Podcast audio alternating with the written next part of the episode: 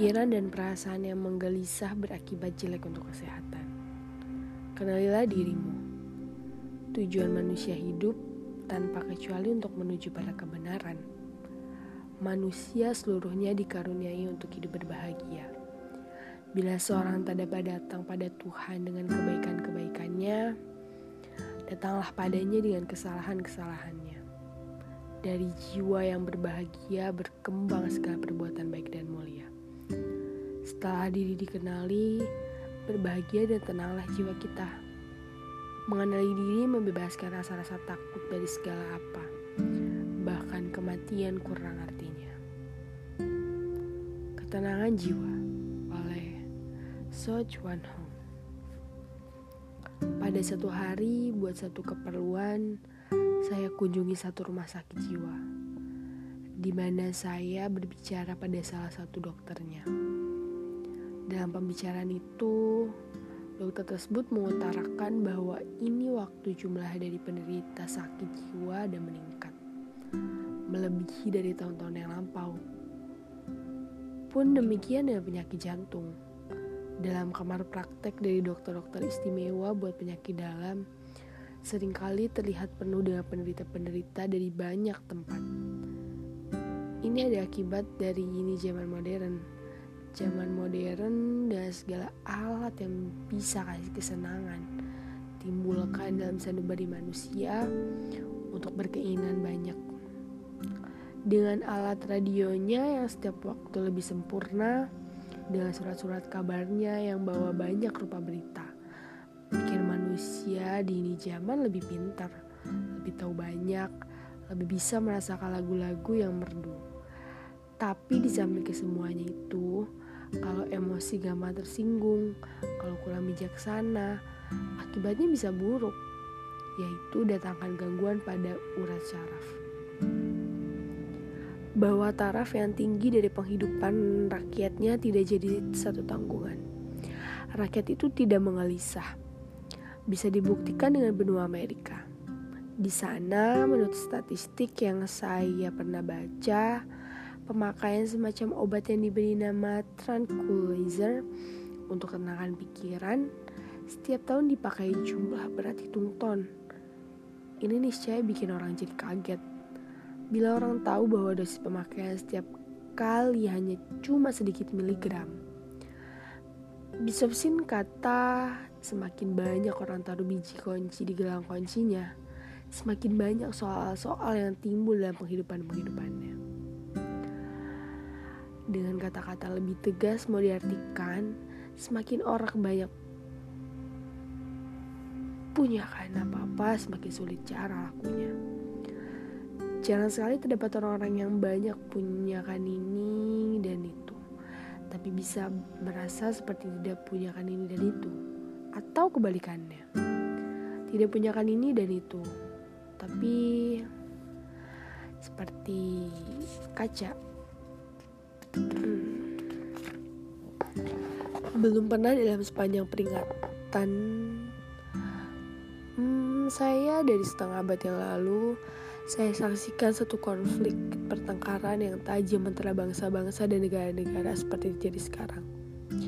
Dan ini terjadi baru saja beberapa belas tahun dari berhentinya Perang Dunia Kedua yang segala kekejamannya masih teringat segar dalam malam pikiran.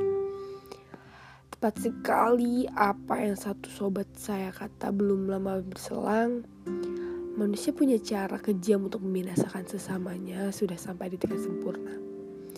Tinggal rasa saling mencinta dan menyayang belum bisa sempurna seperti diharap. Ya, saya lihat memang demikian. Imbangan antara pengaruh mengerusak dengan pengaruh memelihara tidak sepadan. Sungguh ada menarik buat orang tahu bahwa ada negeri-negeri besar yang membiayai ongkos persenjataan begitu besar.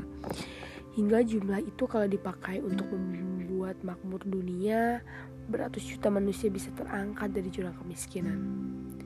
Hal-hal yang tersebut di atas membuat penting sekali untuk setiap orang lebih mengawaskan pada dirinya.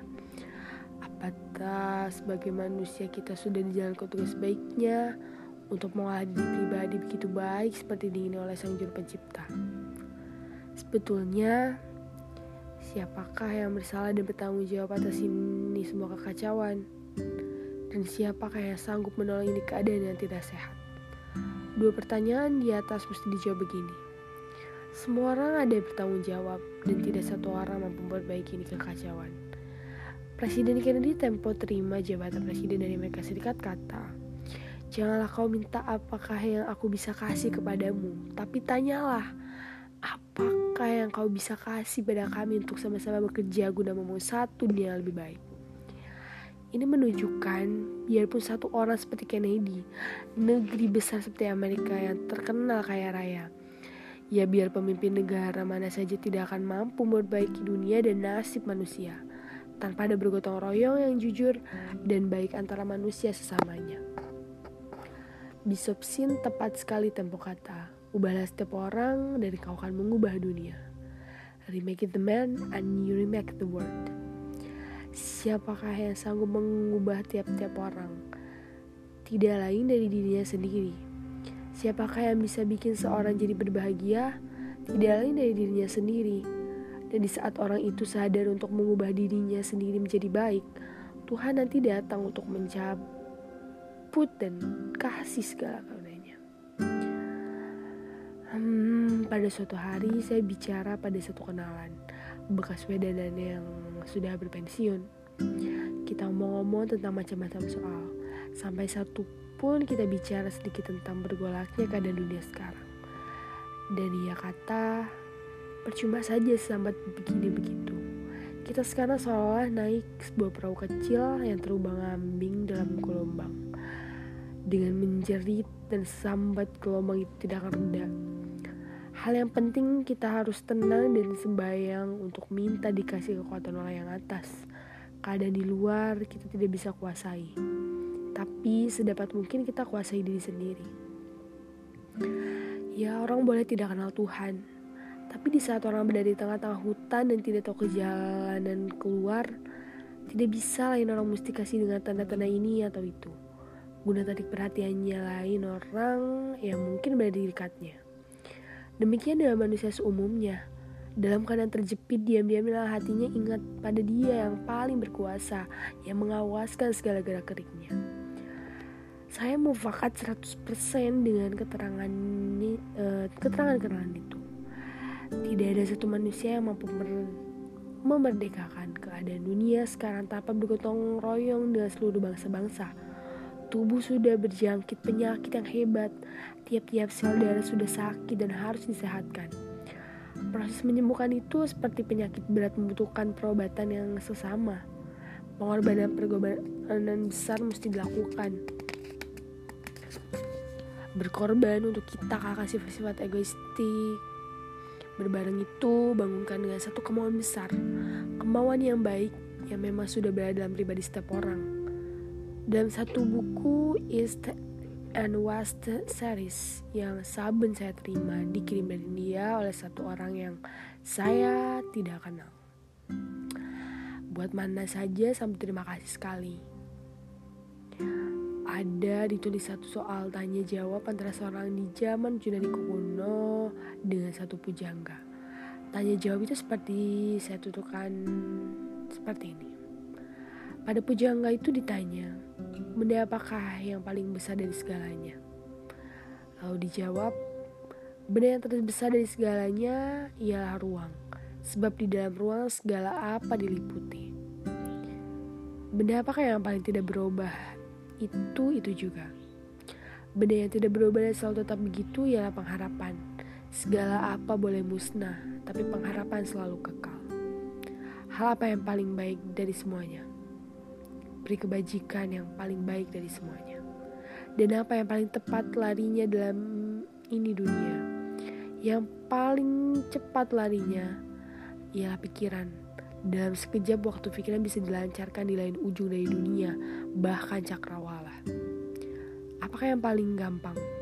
Memberi nasihat lain orang ada paling gampang. Pada akhirnya pujang itu ditanya lagi, apakah yang paling sukar? Atas ini oleh pujangga itu dijawab hanya dengan tiga patah. Tahu diri sendiri. Pujang itu ada benar. Tahu diri sendiri begitu ditulis lebih jauh di buku tersebut ada hal yang paling sukar. Manusia sudah mampu mengukur jauhnya bintang-bintang langit dengan bumi yang didiami. Apakah ia sudah mampu tahu dunia sendiri? Manusia sudah dapat mempelajari segala sesuatu di dalam kasar ini. Tapi apakah ia mampu tahu dunia sendiri? Ahli-ahli perbintangan sudah bisa membawa bintang-bintang di ruang angkasa ke pemandangan matanya dengan mempergunakan alat teropongnya. Apakah ia tahu tentang dirinya? Sarjana dengan ilmu pengetahuannya sudah bisa menyelidiki penghidupan dari binatang-binatang yang paling kecil di darat dan di samudra. Sudahkah ia tahu rahasia dari dirinya sendiri? Ya, manusia sudah pandai dalam ilmu keduniaan, tapi masih tahu sedikit sekali tentang dirinya sendiri.